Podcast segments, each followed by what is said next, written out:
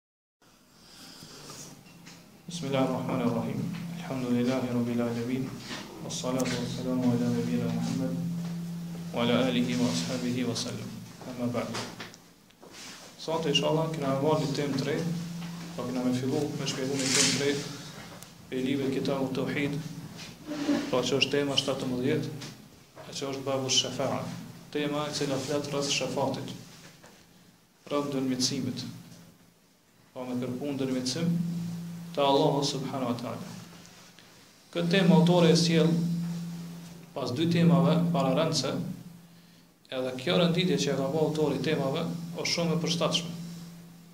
Për arsye se në temat pararendëse kemi shpjeguar dhe kemi treguar se autori ka sjellë argumente të cilat përmes cilave tregon se i vetmi i cili meriton adhurimin është Allahu subhanahu wa taala, askush tjetër përveç tij. Prandaj disa prej njerëzve kur i drejtohen pejgamberit sallallahu alaihi wasallam ose tjerëve prej evlijave, prej njerëzve të devotshëm, i pejgamberëve të tjerë kështu me radhë, edhe kërkojnë ndihmë prej tyre, kërkojnë shpëtim prej tyre.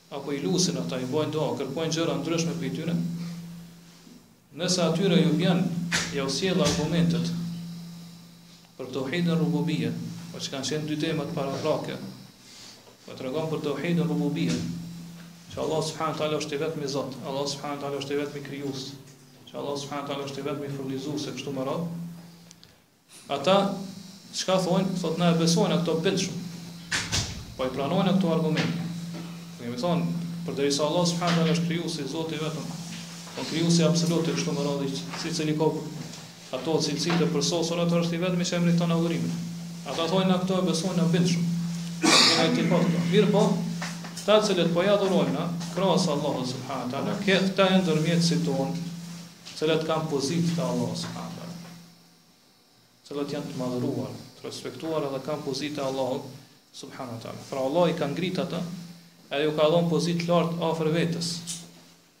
Po ne edhe përderisa janë kështu në këtë gjendje, atëherë ata ndërmjetësojnë për neve. Prandaj ne iu drejtojmë atyre në lloje ndryshme, të adhurimeve, të ibadeteve, në mënyrë që ata me kon të kënaqur me neve, edhe me pranu ndërmjetësimin tonë te Allahu subhanahu wa taala. Ngase Allah është ai që i ka ngrit këta. Edhe Allah e pranon shefatin ndërmjetësimin e tyre. Prandaj autori Allahu e mëshiroftë, sikur është e ka pa gjendjen e mushrikëve, gjendjen e bestytëve. Edhe ka çu këto në mendjen e tina, pra argumentet që i sjellin ata. Pra ka çu këto në mendjen e tina nëse ti jau sjell atyre argumentet e rububijes, çka mundën ata me t'u kundërpërgjigj, dhe çka sjellin edhe ata si argument kundër teje. Edhe kështu, domthonë kjo është e vërtetë ngase autori Allahu e mëshiroftë është personi i cili ka qenë më i njofturi, më i njoftuar edhe që i ka ditë më së miri argumentet të cilat i sjellin mushrikët bashkëkohorë, pra mushrikët modernë, kohën e autorit edhe domethënë ata të kohës sotshme. Prandaj, kur autori e ka çu këto nëpër mendjen e tina, ka sjellë edhe këtë temë. Pra që është tema që ka të bëjë me shefatin, me ndërmjetësimin. Po kur është i lejuar, kur nuk është i lejuar e kështu me radhë. Mënyrë që m'iu kundërpërgjigj atyre. Çka është shefati? Pra, së pari duhet me kuptu gjithsesi çka çka domethënë shefa. Shefat.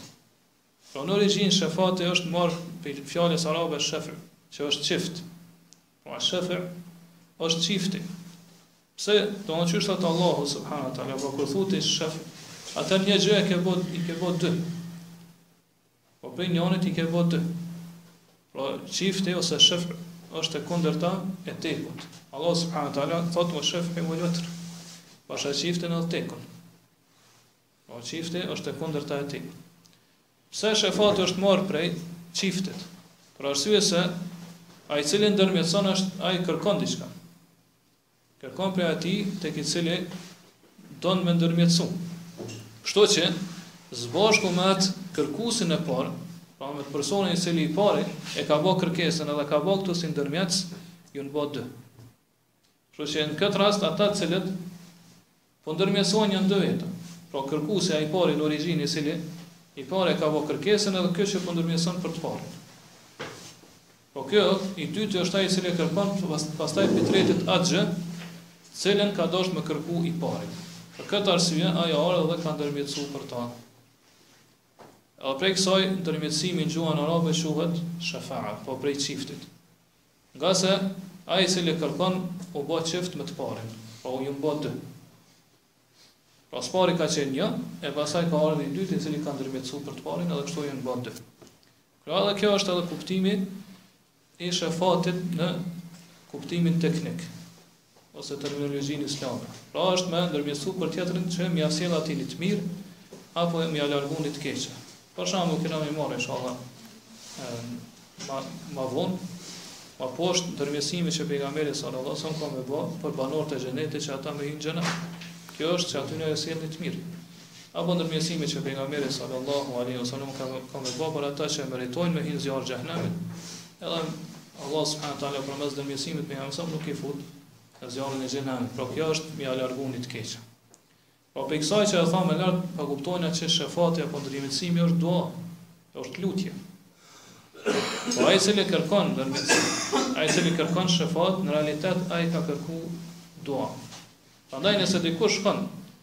Te varri i pejgamberit sallallahu alaihi wasallam, ose nuk shkon fare, mirëpo çka thotë?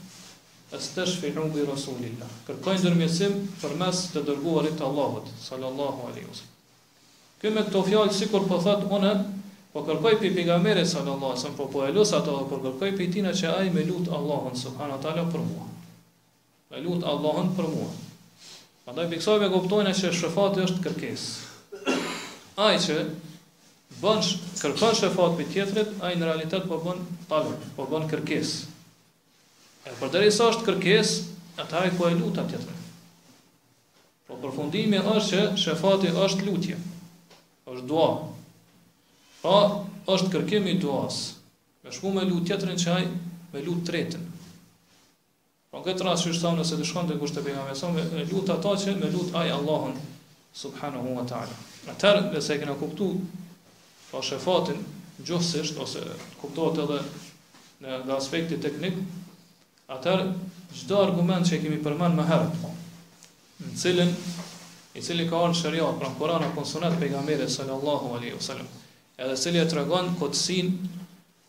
Që dikush tjetër të lejohet m'u lut në vend të Allahut subhanahu wa taala. E tregon se kjo gjë është shirk, është gjë e kotë. Po me marr dikon tjetër me lut në vend të Allahut subhanahu wa taala, Po çdo argument që i kemi përmend më herët është njëkohësisht argument për këtë temë, që tregon se me kërku ndërmjetësim prej të vdekurve, të cilët nuk janë prezent në këtë botë, po kanë kaluar në botën tjetër. Nuk janë prezent n'këtë botën ose n'këtë banesën e obligueshmërisë, po ku njeri obligim obligohet me me detyra prej Allahut subhanahu wa taala, atëherë çdo argument që kemi e kemi përmendur më lart vlen ose më herët vlen edhe për tash që e tregon se të kërkohet shefaati prej këtyne të vdekurve është një gjë e kotë që nuk e pranon Allahu subhanahu wa taala. Përkundrazi ajo ma shum ma se kaq është shirk që i bëhet Allahut subhanehu wa ta'ala. Pra qysh thamë, realiteti i ndërmjetësit është se ai është kërkon. Ai i cili ndërmjetëson kërkon diçka. Kurse realiteti i atij që e kërkon ndërmjetësimin, i këtij ndërmjetësit, gjithashtu është se ai kërkon prej tij. Po përderisa kërkon, atëherë kjo kallëzon se ai e lut ato.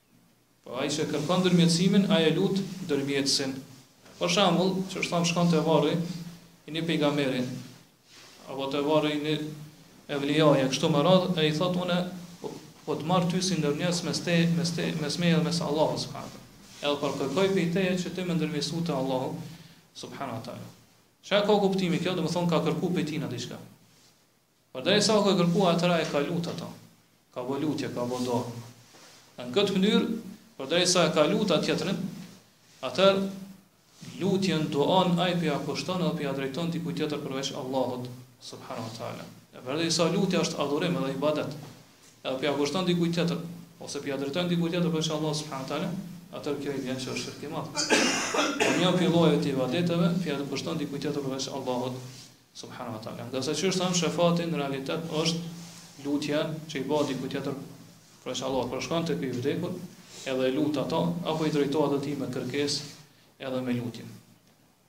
Po kur, pasi që e kemi kuptu, domethënien e shefatit, edhe vendimin islam, Për atë i cili e kërkon shefatin prej, e kërkon shefatin prej të vdekurve, edhe që kjo është shirk i madh, atëherë duhet ta dimë që në jetën e kësaj bote lejohet që prej të gjallëve me kërku ndërmjetësim, pra që ata me lut për neve, te Allahu subhanahu taala. Prandaj sa është gjallë, edhe është prezent, edhe dëgjon lutjen tonë apo kërkesën tonë, atëherë kjo është e lejuar. Që me i thonë dikujt tjetër,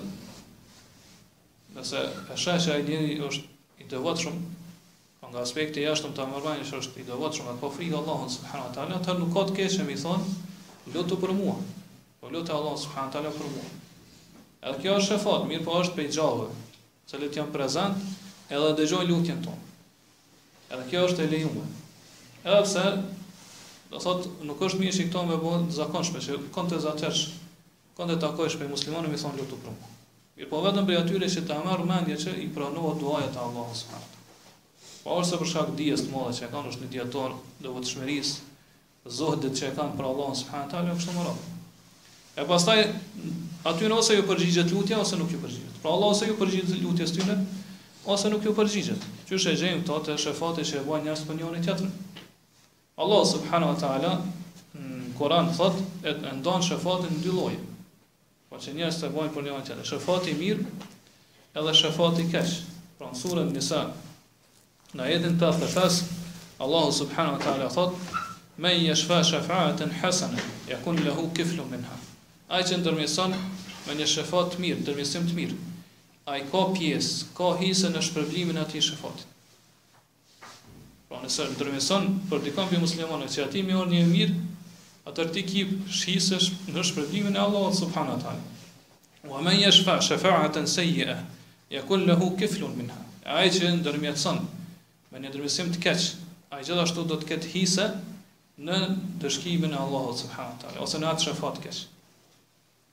Po kur është te shpërblimi Allah po e përmend fjalën nasib.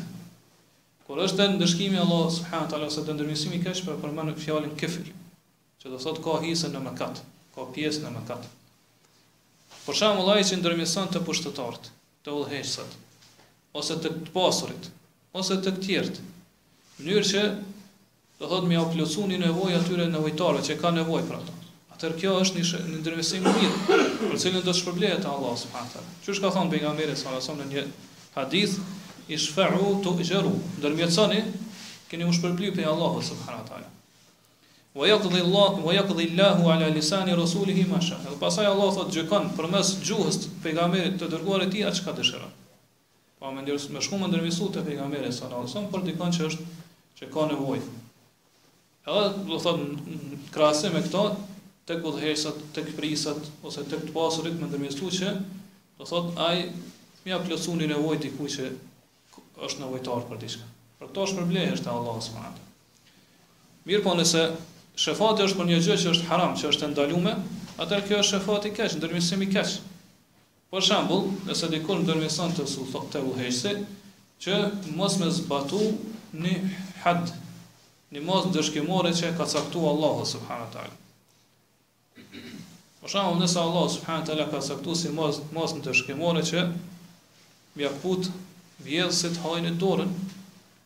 Edhe është nxënë dikush, dikush që po vjedh, edhe është dërgu çështja e tina te udhëheqësi edhe ai ka gjyku ose gjykatësi që e zavendson ato, kadija, ka gjyku që me ia pre dorën atina. Edhe dikush shkon me ndërmjetësu që mos me ia pre dorën. Po don që këtë had, këtë mos ndëshkimore të Allahu subhanahu wa taala me me zhvlerësu. Mos me zbatu në këtë rast. Kjo është ndërmjetësim i keq. Qysh ka ndodhur në kohën e pejgamberit sallallahu alajhi wasallam një grua prej Banu Makhzum, prej fisit Banu Makhzum ka vjedh kohën e pejgamberit sallallahu alajhi wasallam. Edhe pejgamberi sa, do të thotë çështja e saj ka shku te pejgamberi sa dhe ka gjyku pejgamberi sa me ia pre dorën asaj. Atëherë kjo i ka ardh rond familjes saj shumë, të afërmve saj. Qysh me ia pre dorën e saj. Edhe çka, ka thon, po e çojmë dikon si ndërmjetës te pejgamberi sallallahu alaihi wasallam. Edhe do thot kanë vendosur që si ndërmjetës me kon Usame bin Zeidi. E ka dasht shumë pejgamberi sallallahu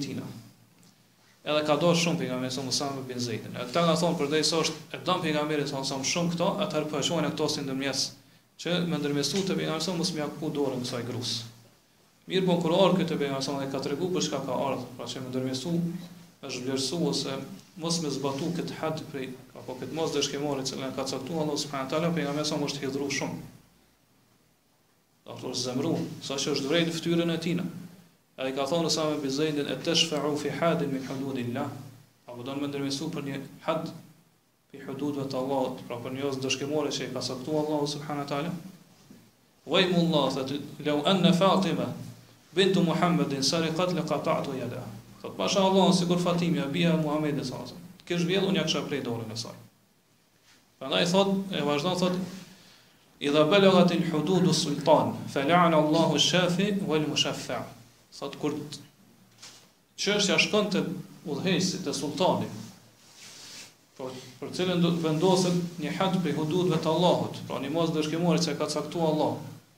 Atëherë thotë, nëse vjen dikush me ndërmjetësu që do thotë me zhvlerësu ato, mos me zbatu, atëherë thotë mallkimi i Allahut qoftë mbi ndërmjetësuesin dhe për atë që ndërmjetësohet.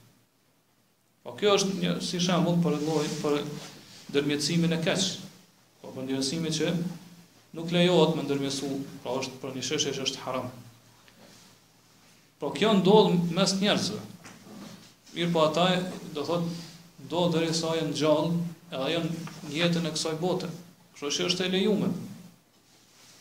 E gjithashtu është e lejuar që qysh thamë dhe me shku te tjetri e me thonë lutu për mu. Ngase ai ka mundësi që me iu përgjigj kërkesës tane, pra mu lutë për ty. Edhe Allah subhanahu wa taala na ka lejuar neve përmes teksteve të ndryshme që derisa ata janë gjallë e dëgjojnë kërkesën dhe lutjen tonë, atëherë lejohet me shku me ju shtru këtë kërkesë, pra me, me lypë këtë ndërmjetësim te Allahu, që ata m'u lutë për neve. Për këtë arsye sahabët, kohën e Pejgamberit sallallahu alejhi ve sellem, ka ndodhur që me ardh dikush te Pejgamberi sallallahu alejhi ve sellem dhe me thonë, me kërku ndërmjetësimin prej tij, me thonë lutu për mua. Edhe kjo është e lejuar, qysh e sqaruam deri tash. Pra mesela e shefatit është prej meselave që shumë prej njerëzve, domethënë e kanë të paqartë. ose s'e kanë kuptuar mirë, ju fshehet realiteti i saj. Madje kjo ndodh, i ka ndodhur disa prej dietarëve. Prandaj disa prej tyre kanë rënë në gabime sa i përket çështjes së shefatit apo kërkesës së shefatit prej pejgamberit sallallahu alaihi wasallam. Dhe shumë që kanë sjell ngjarje me pejgamberin sallallahu alaihi wasallam në librat e tyre, pra kur sahabët kanë kërkuar ndërmjetësim prej pejgamberit sallallahu alaihi wasallam, sa ka qenë ai gjallë. Edhe pastaj kanë sjellë ngjarje të tjera kur njerëz duke u bazuar këto ngjarje edhe pas vdekjes pejgamberit sallallahu alaihi wasallam kanë kanë shkuar dhe kanë lyp shefat prej tij. Edhe nuk e kanë mohu këto, s'e kanë refuzuar librat e tyre. Për shembull këto e gjojnë te, te imam Neveviu, apo te Ibn Kudame në Mugni edhe te pi tjerëve. Këto që i kanë shumë të në librat e tyre nuk do t'i konsiderojmë si khilaf mospajtime mes dijetarëve. Ngase ky khilaf apo ky mospajtim që ka ndodhur kthehet te moskuptimi i realitetit të kësaj çështje.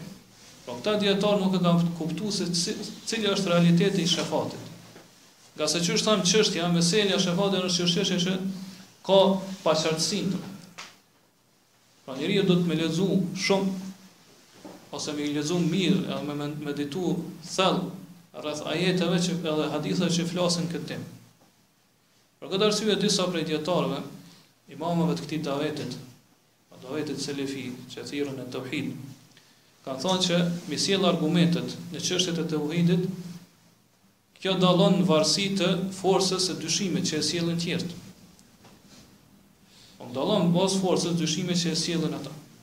Prandaj thotë çështje që ma s'pakti kanë dyshime, kur ata i sjellin, apo që është ma s'lehti me sjell kundërargumente. Pra argumente që i kundërpërgjigjen atyne është çështjet që kanë të bëjnë me Esencën e davetit, pra esencën e thirrjes, lutjes që i bëhet dikujt tjetër veç Allahut subhanahu teala. Apo me kërku ndihmë pi dikujt tjetër veç Allahut subhanahu teala, me ther kurban për dikën tjetër veç Allahut subhanahu teala e kështu me radhë. Për këto thotë është ma s'lehti me i sjell argumente që do thotë janë pi pi çështjeve që ma s'pakti e mundën ata me sjell dyshime që lejohen këto adhurime ja kushtu dikujt tjetër veç Allahut subhanahu teala. Është ma s'lehti me i kundërpërgjigj këto çështje. Mirpo thotë kur vjen Çështja te shefati, atëherë kjo është prej çështjeve që është ma e paqarta, përveç atyre që dijetarët që janë thellu thellë në dije. Prandaj edhe kërkon kërkon domethënë kjo çështje që të shtjellohet mirë. Edhe do thotë mblidhen krejt argumentet, tekste që flasin rreth çështjes së shefatit. Prandaj edhe autori ka sjellë një temë të veçantë për këtë. Ka sjellë temë të veçantë, ka vën tema që ka të bëjnë me shefatin, edhe ka sjellë argumente që e sqarojnë këto pi Kur'anit edhe pi Sunetit të pejgamberit sallallahu alaihi wasallam.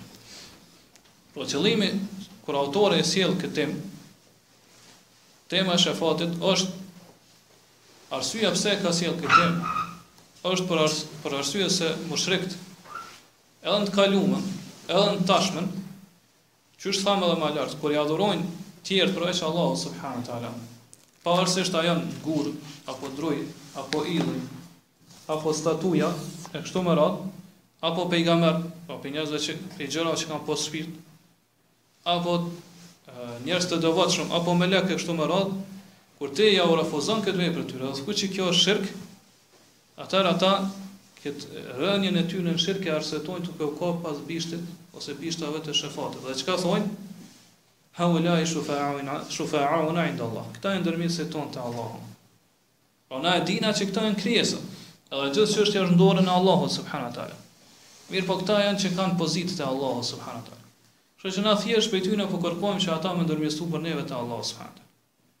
Prandaj edhe po therim kurban për këta evlijatë, për këta njerëz të devotshëm, ose ma herët idhujtarë që i kanë adhuru gurët, drujt e kështu me radhë, apo statujat, po kërkojmë ndihmë prej tyne. Edhe do thotë po ja kushtojmë një pjesë të adhurimit tonë këtyre ndërmjetësve që po i adhurojmë në vend të Allahut subhanahu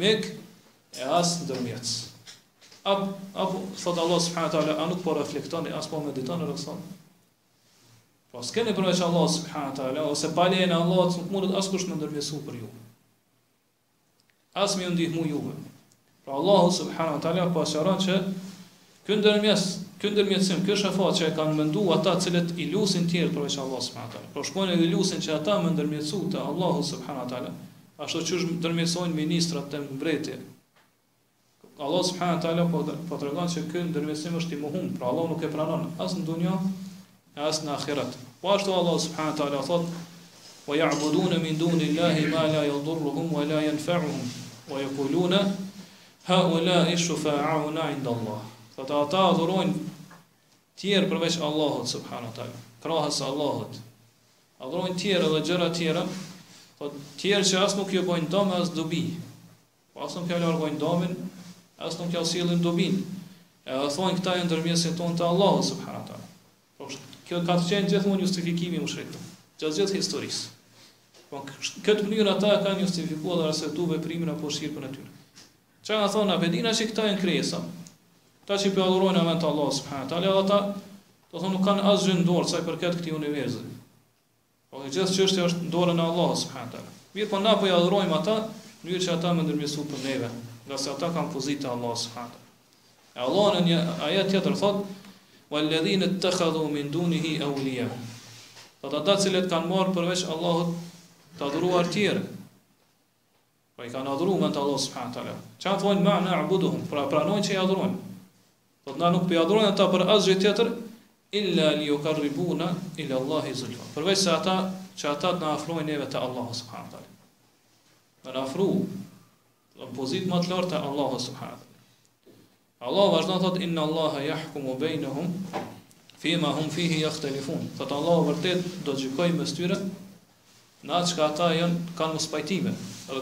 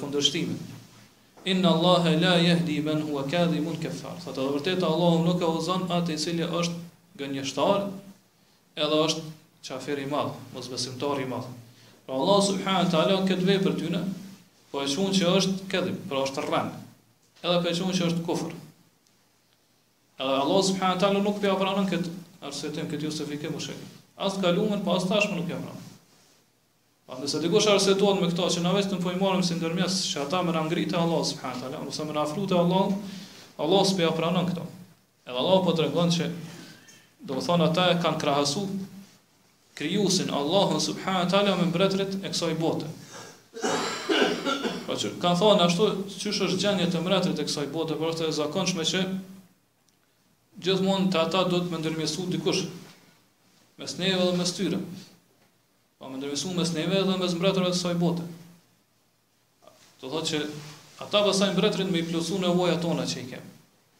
Pra në këtë mënyrë e kanë krahasu Allahun subhanahu wa taala me krijesën. Ose e kanë barazu Allahun subhanahu wa taala me krijesën. Edhe kjo është një gjë e kotë. Ngase nuk lejohet që të krahasohet Allahu apo të barazohet krijuesi me krijesën.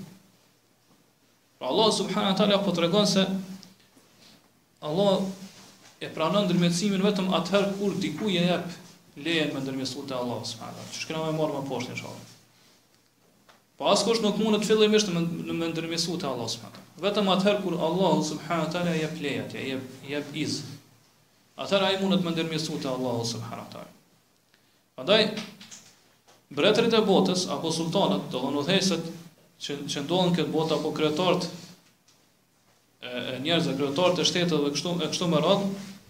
Pra ata e pranojnë ndërmjetësimin për për shkak se ata kanë nevojë që të tjerët me ndërmjetësu te ata. Pra mbreti apo udhëheqësi e kështu me radhë ka nevojë me pas ndihmësa, ministra,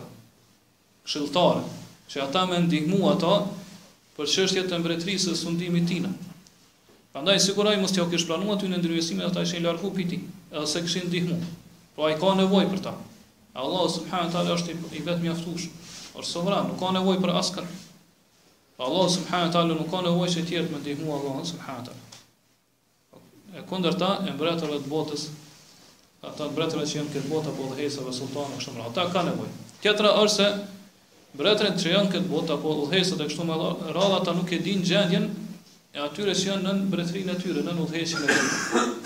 Prandaj ka nevojë që dikush me njoftu. Me i tregu se si është gjendja e tyre. Po çfarë nevoja kanë njerëzit? Me i njoftu ata, me informu për këto. Prandaj edhe ka nevojë për ndërmjetësa. Për shufa'a, për wasa'it, njerëz që ndërmjetësojnë te, njerëz që ndërmjetësojnë për të tjerët. Pra ata ja ja kumtojnë apo ja përcjellin udhëheqësit, kryetarit apo mbretit, atë çka ai nuk e din prej gjendjes së njerëzve tina, pra njerëzve që i udhëheq ai.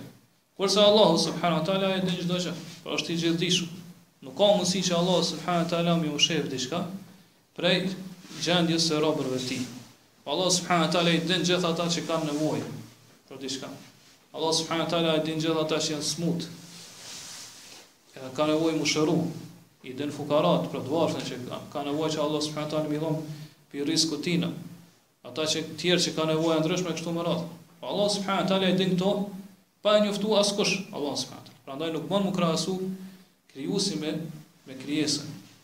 Po ashtu mbretërit e kësaj bote apo kryetarët e kështu me radhë edhe sikur ta dinin gjendjen e njerëzve, po supozojmë se e din këtë Do thotë çka ka nevojë ata të cilët janë në udhëheqjen e tyre. Mirëpo nganjëherë këta nuk tregohen të butë, nuk tregohen mëshirshëm ndaj ta. Edhe nuk e kthejnë kokën hiç nga ata. Po s'duan me i ndihmu hiç. Mirëpo kur vijnë këta ndërmjetësit, po që kanë pozitë te mbret, te, te mbreti, ose te udhëheqësit, te kryetari, kështu me radhë, edhe ju, bis, ju folin atyre, atëherë ndikojnë te ta. Po ndikojnë në zemrën e tyre edhe pranojnë shefatin, e pranojnë ndërmjetësinë.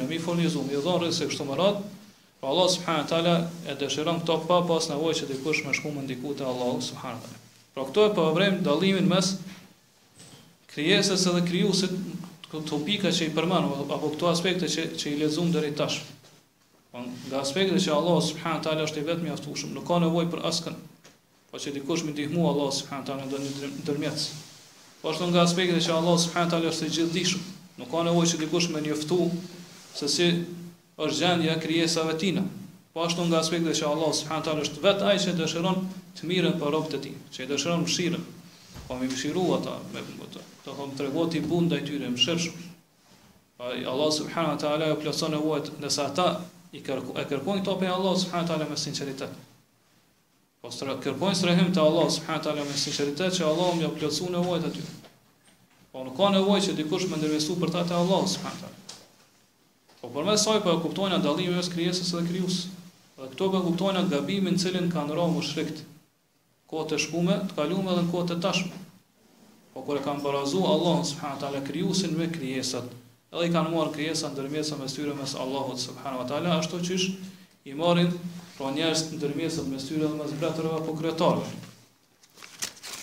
Mirëpo dikush prej tyre ka thonë, edhe ka bo një pytje, edhe këto mund është me po jo vetëm te këta të cilët i atribuohen islamit, mirëpo dhe te fetë e tjera, pra te mushrikët të mahershëm te paganët që kanë qenë kohën e xhahilijetit, thonë nëse dikush e merr dikon mes tij dhe mes Allahut subhanahu teala si ndërmjetës, atëherë qëllimi i tina është me madhru Allahun subhanahu teala. Po këtë dyshim e, e lexon shpesh, ose te, edhe te krishterët edhe te fetë tjera. Që thonë që Allahu subhanahu teala është shumë i lartë. Allahu subhanahu teala është i lartësuar, i pastër prej çdo të mete. Edhe ne si mëkatarë nuk na takon që direkt me iu lutë Allahut me iu drejtu Allahut subhanahu teala. Mirëpo duhet me i marrë që mes ne dhe mes Allahut ndërmjetësa të cilët kanë pozitë te Allahu subhanahu teala.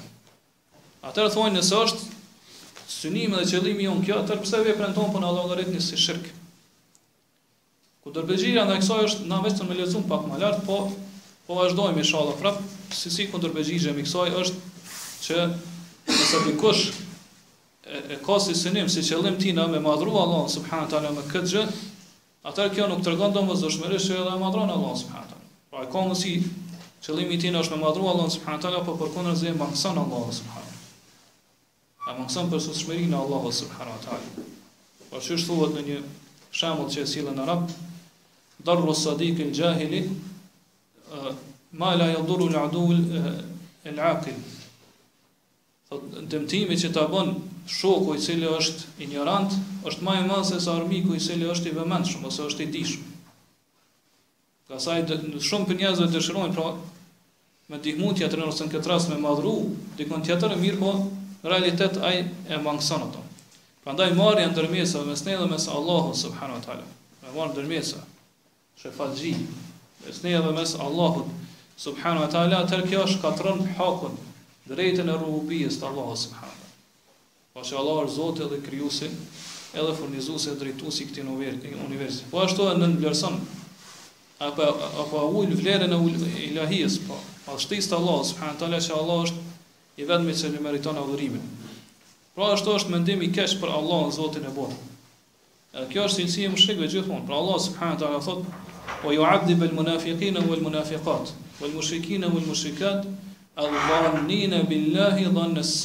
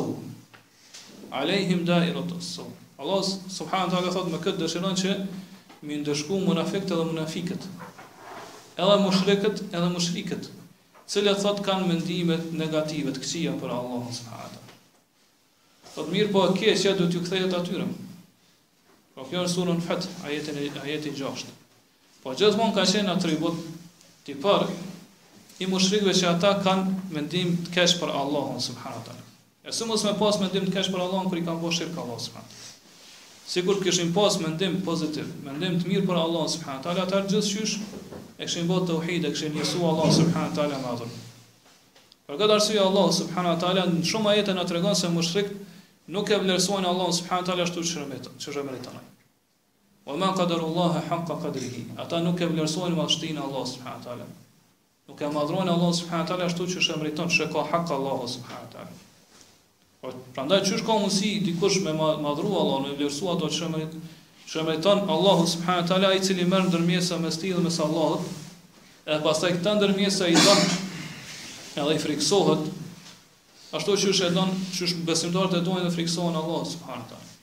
Apo këtyne ndërmjetësave, pra, shpreson prej ta, ju, te këta, ju nënshtrohet atyre, tregon përulje ndaj tyre, Po ik prej zemrimit, s'don mi hidhru apo m'i zemru ata. Kënaqësinë e tyre i jep përparësi para çdo gjëje tjetër. E lut ata, ther kurban për ta, zotohet në emër të tij e kështu me radhë. Po çka i vjen kjo? Kjo i vjen ngaqë po e barazon atë krijesë me krijuesin, me Allahun subhanahu wa taala. Allahu subhanahu wa taala në Kur'an na tregon se mushrikët vetë kanë me pohu këtë gjë. Po duke qenë n'zjarr t'xhehenemit ata kanë me pranu dhe kanë me pohu që të adhuruarit e tyre, ata që i kanë adhuruar n'vend t'Allahut subhanahu wa taala i kanë bërë të barabartë. Po i kanë barazuar me Allahun subhanahu wa taala. Pra duke qenë n'zjarr t'xhehenemit ata do thonë Tallahi in kunna la fi dalalin mubin. Vërtet ne kemi qenë në një humbje të qartë. Pse? Idh nusawikum bi rabbil alamin. Kur ne juve ju ju konsiderojshëm barabart baraz me Zotin e botëve. Po kjo është realiteti dhe gjendja e mushrikëve. Kur marrin ndërmjetsa mes tyre mes Allahut ata i bojnë barabart me Zotin e botëve. Kemi thënë edhe më herët që është e mirë njohur se ata nuk i kanë barazu tjerë që i kanë adhuru n'vend t'Allahut subhanahu taala në qenien e tyre. Ose ata s'e kanë besuar që qenia atyne që po i adhurojnë n'vend t'Allahut është sikurse qenia e Allahut. apo në cilësitë e tyre, apo në veprat e tyre, apo në krijim e kështu me radhë. Por nuk kanë thënë që këta të adhuruar, që po i adhurojnë n'vend t'Allahut, këta mundën me kriju ashtu qysh i ka kriju Allahu qiejt edhe tokën. S'i ka, s'e kanë barazu Allahun subhanahu wa taala, ose të adhuruarit e tyre, nuk i kanë barazu me Allahun subhanahu wa taala në këto aspekte.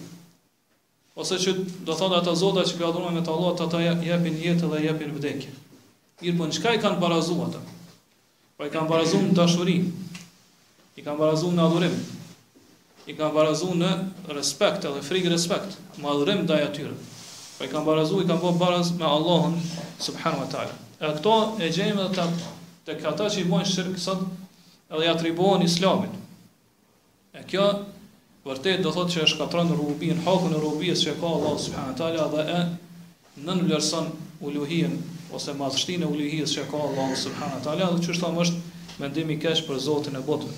Ngase ai i cili merr ndërmjetësa mes tij dhe mes Allahut subhanahu wa taala, ose mendon që Allahu subhanahu wa taala ka nevojë që dikush krahas me të Po baraz me Allahun subhanahu teala, krahas me Allahun subhanahu teala, me i udhëheq çështjet e këtij universi.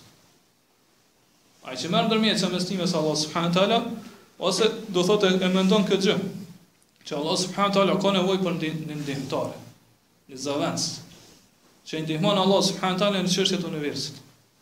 Po a ka nënvlerësim më të madh për Allahun subhanahu teala se sa kjo? Përderisa i Lartësuari, më i larti Allahu subhanahu teala është i vetëmjaftueshmi, Allahu subhanahu teala është sovrani. Domethënë nuk ka nevojë për askën, kurse krejt të tjerët, po me veten e tij, me qenien e tij Allahu subhanahu teala s'ka nevojë për askën.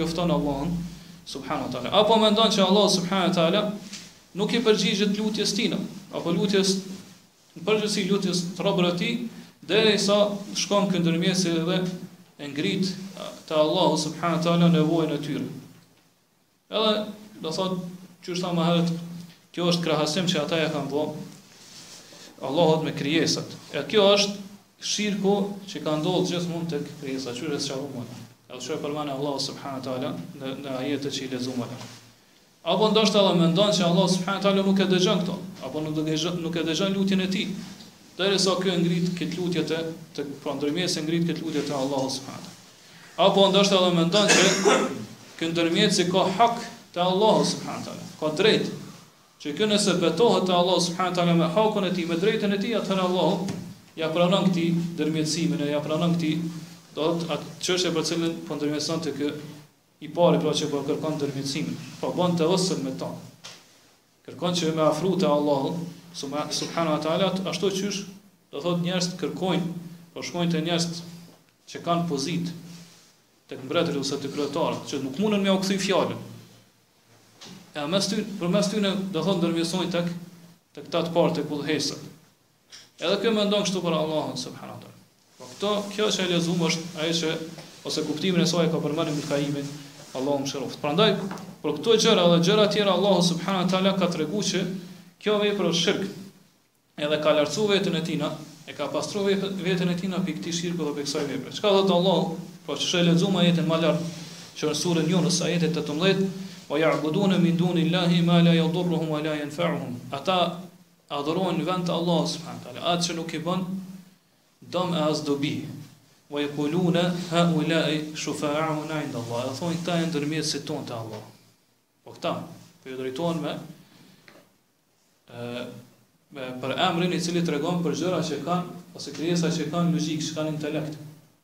Po këta janë ndërmjetësit tonë te Allahu subhanahu wa taala. Çka thotë Allahu pas kësajna? Kul atunabbi'un Allaha bima la ya'lamu fi samawati wala fi al-ard. Thua jo apo doni që përmes tyne ndërmjetësve me njoftu Allahun subhanahu wa taala për diçka që Allahu nuk po di çka ndodh në qiell e në tokë.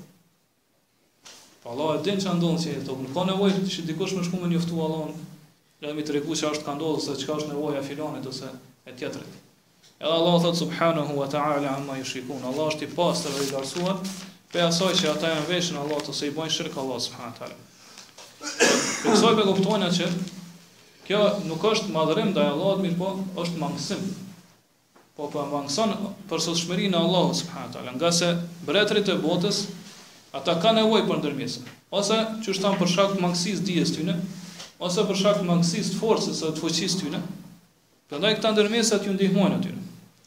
Ose për shkak të mangësisë të pushtetit tyne. Po shpesh ndodh dikush me shku me ndërmjesu te mbreti ose te kryetari pa lejen e tij. S'ka nevojë të marr hiç lejë. Pse? Do thotë ai pushteti i tij nuk është i fortë. Mirpo Allahu subhanahu wa taala është i përsosur në dijen e tij, në forcën e tij dhe në sultan, do thotë në pushtetin e tij. Prandaj nuk ka nevojë që askush me ndërmjesu te Allahu subhanahu wa taala.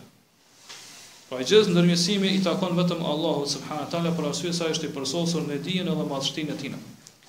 Pastaj do të shefati që Allah subhanahu wa taala pra tha me lejon që dikush me ndërmjetësu për dikon tjetër.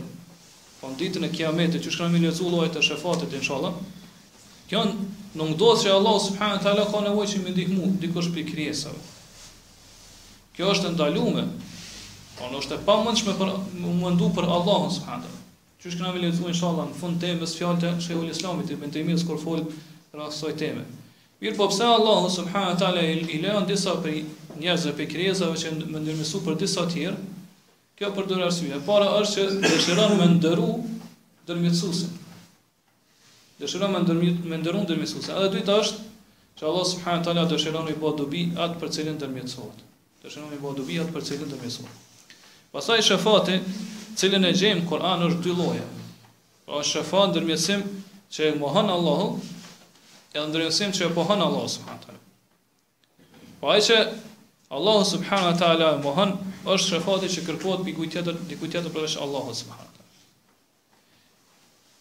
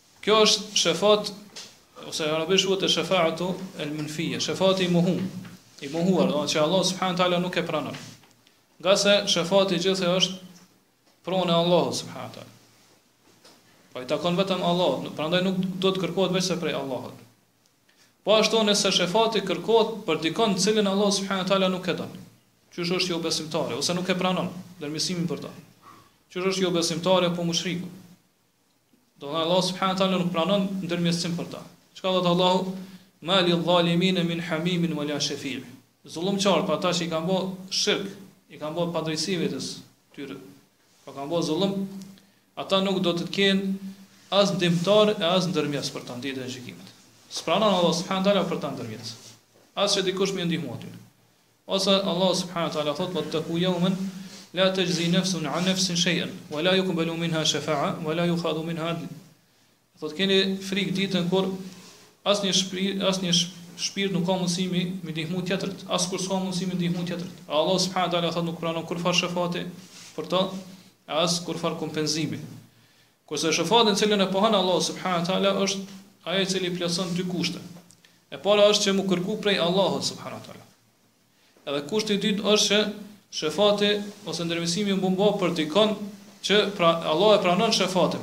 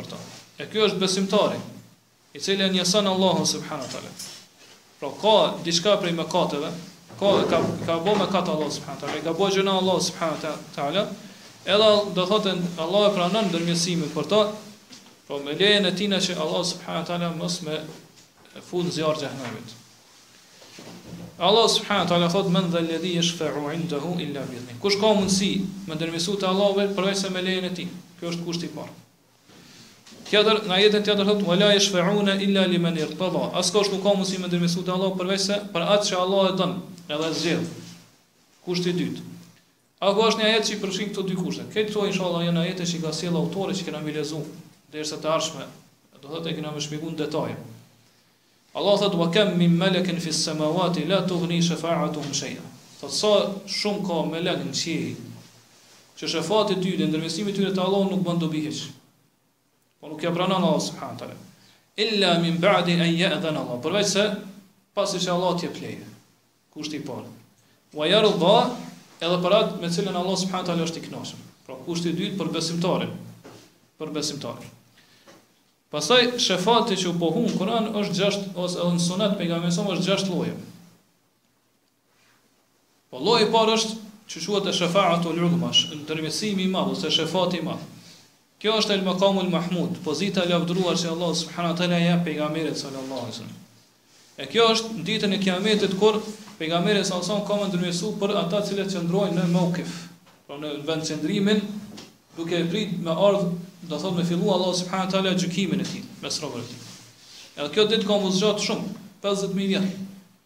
Do të jetë ditë shumë e vështirë për ata, për njerëzit kur qëndrojnë aty. Pra dielli do të afrohet shumë afër kokave të tyre. Do të jetë nxehtësi e madhe. Vështirësi e madhe kështu me radhë. Prandaj njerëzit kanë me fillu me me kërku dikon që me ndërmjetësu te Allahu subhanahu wa taala me fillu gjykimin mes tyre. Edhe shkojnë rend te pejgamberët, kërkojnë ndërmjetësim. Pra hadithi është i gjatë, ne nuk po po e lexojmë gjithsej. Ndoshta anëtarë mund e lexojnë. Mirpo gjithë pejgamberët arsyetohen. Pra dhe Ademi a.s. edhe Nuhi a.s. edhe Ibrahimi a.s. edhe Musaj edhe Isaj. Pra këta që qenë ulul azm, pejgamberë që do thotë janë ma të dallum prej pejgamberëve tjerë. Këta arsyetohen, i japin arsyetimet e tyne, edhe do thot i drejtojnë njerëzit te, tek tjetri.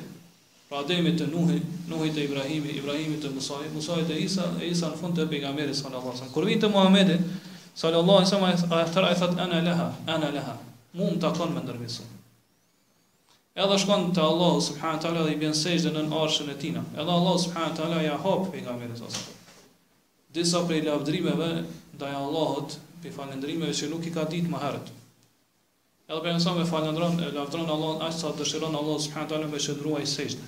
Po këtu po e shohim që pejgamberi sallallahu alaihi wasallam nuk mundet me ndërmjetësu fillimisht te Allahu. Mirëpo, pasi që Allah subhanahu wa taala t'i jep leje. Prandaj Allahu thot, mas një kohë i thot ja Muhammed,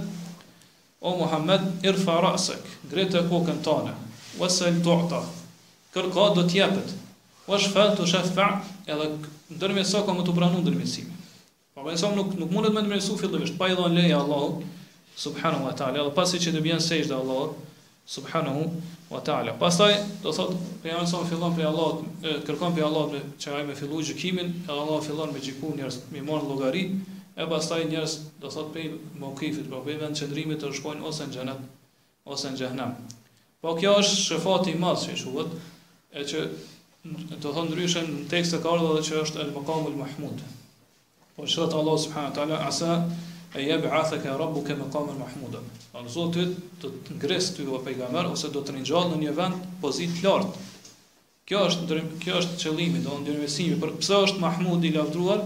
Ngase gjithë njerëzit kanë me falënderu pejgamberin sa asam. Prej të parit deri në fundit kanë me falënderu pejgamberin sa që ka ndërmjetësu te Allahu edhe që ai me fillu gjykimin. Po këtë krijesat kanë ose njerëzit kanë me kërku këtë prej pejgamberit sa asam edhe kanë me falënderu që do thot u bë sebeb që mi Allahu mi, mi shpëtu ose mi, mi, mi rahatu prej këtij qëndrimi kaq të vështirë. Lloji i dytë është shefati që Pejgamberi sallallahu alejhi ve sellem e bën për banorët e Xhenetit që me hy në Xhenet. Ngase masi përfundon gjykimi, edhe masi besimtarët e kalojnë Siratin, urën e cila është e vendosur mbi zjarr të xhehenemit, edhe kur të vinë te Xheneti, dyert e Xhenetit do t'i gjejnë mbyllura. Atëherë kërkojnë, dëshirojnë, do thonë me gjetë dikon që ndërmjetëson, që mi hap dyert e xhenetit. Pra Allahu mi hap, edhe kuptohet ai është Muhamedi sallallahu alaihi wasallam. Edhe ai ndërmjetëson, edhe Allah subhanahu wa taala i hap dyert e xhenetit për banorët e tij. E për këtë Allah subhanahu wa taala ka dhënë shenjë në surën Zumar. Po kur fol për besimtarët të cilët shkojnë në xhenet thot hatta idha ja'uha wa futihat abwabuha. Po ajeti 73 i sure Zumar. Thot kur ata vijnë te xheneti dhe hapen dyert e tij. Po nuk po thot hapen dyert e tij. Mirpo po e sjell pjesëzën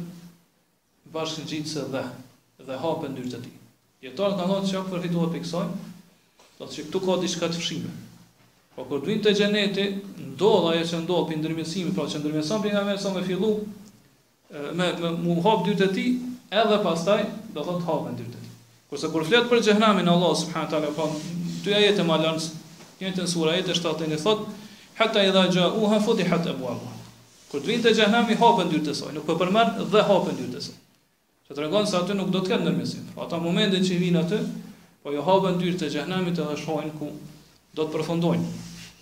Lloji i tretë i ndërmjetësimit është shefati që pejgamberi sa son ka me bo për disa prej banorëve të xhenetit që Allahu mi ngrit edhe ma lart në shkallë të xhenetit. Disa dietar kanë thënë se kjo nuk është e veçantë vetëm për pejgamberin sa, sa mirëpo është edhe për besimtarët tjerë, por ata luten që Allahu me ngrit një besimtar tjetër, me me ngrit në shkallë xhenetit. Edhe kjo Po këta dietar kanë thënë që kjo përfitohet pi duasë ose lutjes që besimtari ia bën njëri tjetrit. Qysh ka thënë pejgamberi sa son kur ka shkuar te Abu Salama, po pasi që ka vdek, u lut ka thënë ka thënë Allahumma gfirli Abu Salama, o Allah fal Abu Salama.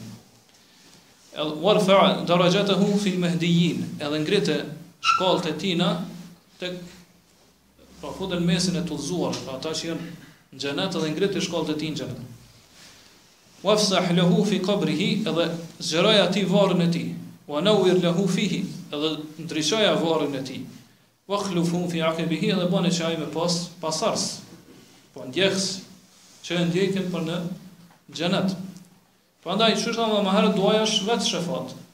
Kështu që nëse lutesh për vëllan tënd musliman, atëherë kjo i bjen që ti ke bërë shefat që Allah subhanahu wa taala, pa mos i thirr vetë asaj, me lut që Allahu me ngrit shkallët e tij në xhenet, kjo është një lloj shefati. Qysh kena me marrë inshallah te lloji 5 hadithin që flet për këtë. Lloji 4 i shefatit është ndërmjetësimi që pejgamberi sallallahu alajhi wasallam ka me bë për axhën e tij, pra për Abu Talibin.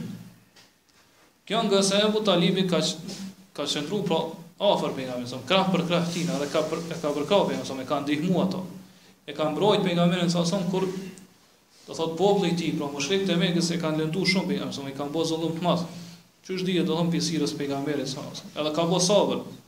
Së bashku me pejgamberin, ndaj këtyne lëndimeve dhe ofendimeve që ia kanë bo pejgamberit. Madje ka qëndru me pejgamberin edhe në rrethime që ka zgjat me vite, tri vite. Dhe ka përballu gjithë ato vështirësi. Pra, me gjithë këtë, do thot, ai i ka dhonë pejgamberit mbrojtje dhe përkrahje, se ka pas pozitë të lartë tek, tek, te kurejshët, te te paria kurejshëve.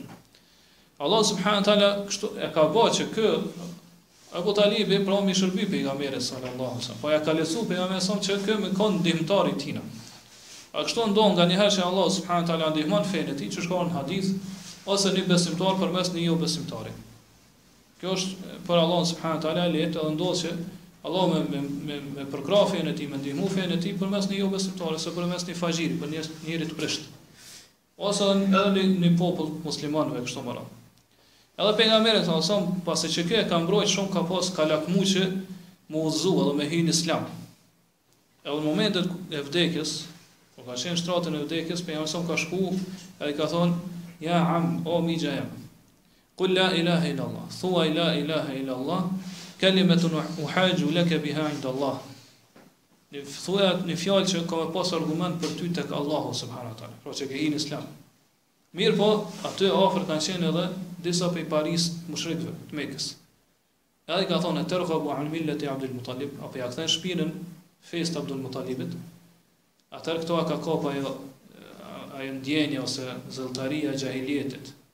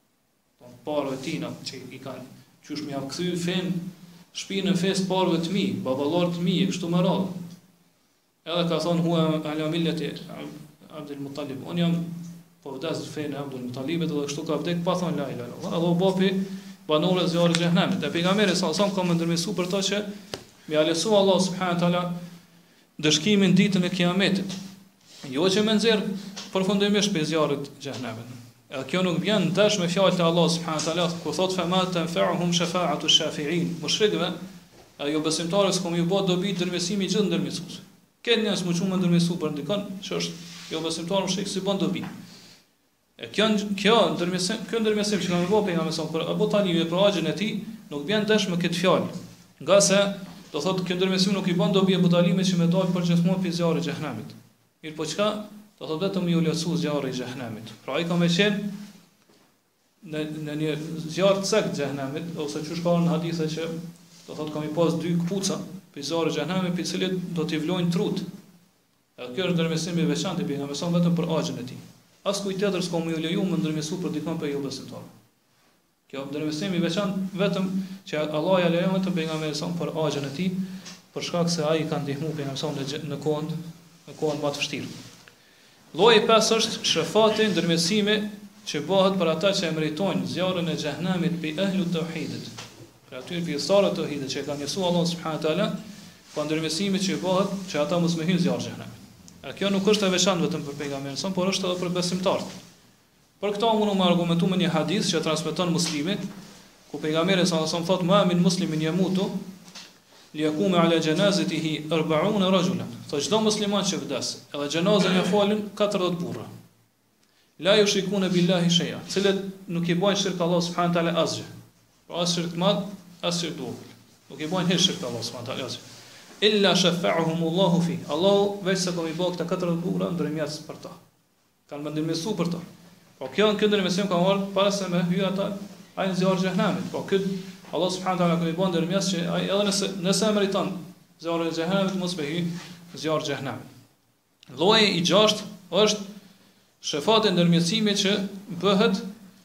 Për ata prej muahidinëve, prej atyre që kanë njësu Allahun, mirëpo për shkak të mëkateve të mëdha që s'u pendu, Allahu nuk ua fal edhe hyjnë në nuk dëshiron Allahu me ia falë edhe hyjnë në zjarr t'xhehenemit. Pra që me i nxjerr prej zjarrit xhehenemit. Pra ehlu teuhidin me i nxjerr prej aty. Edhe kjo nuk është e veçantë vetëm për pejgamberin sa. Mirëpo, do thotë është e përgjithshëm për edhe për pejgamberë tjerë, që ata ndërmjetësojnë për pasues të tyre ose për dikon tjetër për muslimanët. Për njerëz evlia, njerëz të devotshëm që janë, njerëz të mirë kanë me ndërmjetësu. Gjithashtu është edhe për ata që quhen efrat, po për fëmijë të cilët kanë vdek para moshës madhore, ata kanë me ndërmjetësu për prindërit e tyre, për baballarët edhe nënat e tyre.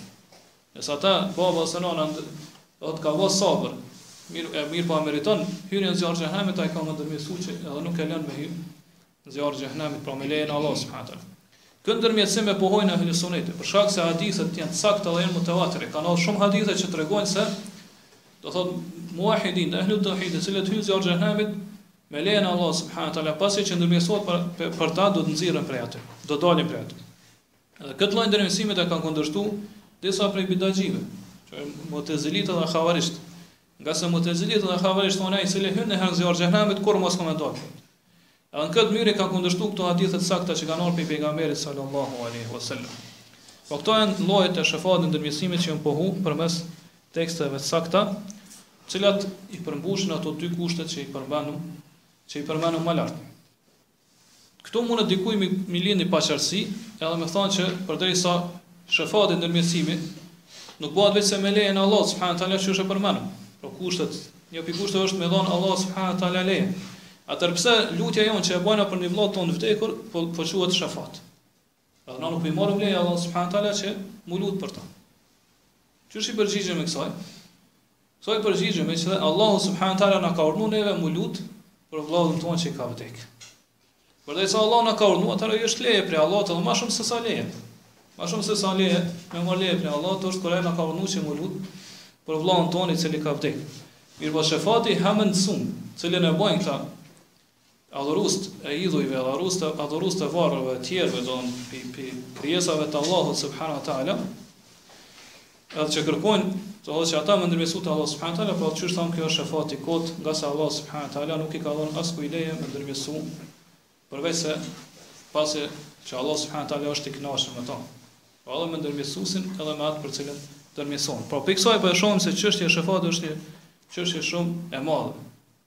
E nganjëherë është edhe delikate për dikon, do nuk mundet me nuk e mundet me e shef realiteti i saj.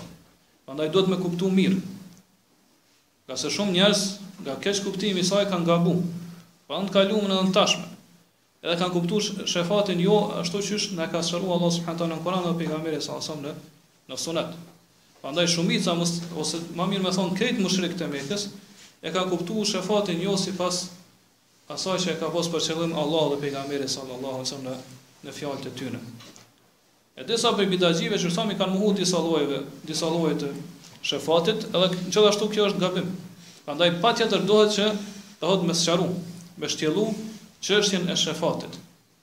Ngase kjo çështje është që ka rrëshqit shumë këmbë të njerëzve. Prandaj edhe kërkuesit e dijes, edhe hoxhallarët, edhe ata që mësojnë rreth shefatit, që ngojnë derse dhe ligjërata, duhet me i kushtu rëndësi të madhe çështjes shefatit. Edhe me ua sqaru njerëzve. Se qysh është shefati i cili e pranon Allah subhanahu wa taala dhe shefati i cili nuk e pranon Allahu subhanahu wa taala. E nganjëherë ndodh do thotë që njeriu edhe m'u përballë me disa prej atyre që i adhurojnë varret apo i adhurojnë tjerë vend të Allahut subhanahu wa taala, edhe sheh që ata nuk e kanë kuptuar mirë çështjen e shefatit. Apo ndoshta e kanë kuptuar mirë, po qëllimisht e refuzojnë edhe mohojnë. Po për shkak tregohen kryeneç, arrogantë, inat edhe s'dojnë me pranu. Edhe dojnë me vazhdu në atë gjendje në cilën kanë qenë baballarët edhe të parët të tyre. Pra në këtë humbje. Prandaj, po e shohim që shefati, ka pi shefati që është i pohum, a i pranum te Allah subhanahu taala, e ka që është i, mo, i, i, i mohum. Pra nuk është shefati i gjithi i mohum, do t'ua sqaru njerëzve, mirëpo nuk është edhe i gjithi i pohum. Pra nuk është nuk pohohet në mënyrë të pakufizume, edhe nuk Nuk pohohet në mënyrë të pakufizuar dhe nuk mohohet në mënyrë të pakufizuar. Mirëpo është, do thotë duhet të shtjellohet. Nuk pranohet i gjithë shefati te Allahu subhanahu wa taala. Mirëpo ka prej llojit shefatit që pranohet, ka prej shefatit që nuk pranohet. Po ai që pranohet është ai i cili i plotëson kushtet edhe kriteret. Po sa ai që mohohet është shefati ose ndërmjetësimi që i ka disa tipare disa atribute që Allah subhanahu taala për shkak të tyne nuk e pranon. Pra patjetër do që në këtë mënyrë me ua sqaru njerëzve shefatin e pastaj autori pra i sjell ajetet në këtë temë që flasin rreth kësaj që e thamë ne. Kjo ishte vetëm si hyrje ose si parapërgatitje për me kuptu ma mirë ajetet ose argumentet dhe fjalët e Sheikhul Islami që sjell autori që na sqaron çështjen e shefatit. Pra ajo që do ta marrim inshallah në t'ardhmen pe pe Argumenteve që sjell autori, e gjitha është, do thotë, e tregon edhe vërteton atë që e thamë deri tash. Pra ajetet e hadithet e pejgamberit sallallahu alaihi wasallam, e për sonte po mjaftojmë me kaq Allahu alem. Wa sallallahu ala nabijina Muhammed wa ala alihi wa sahbihi wa sallam.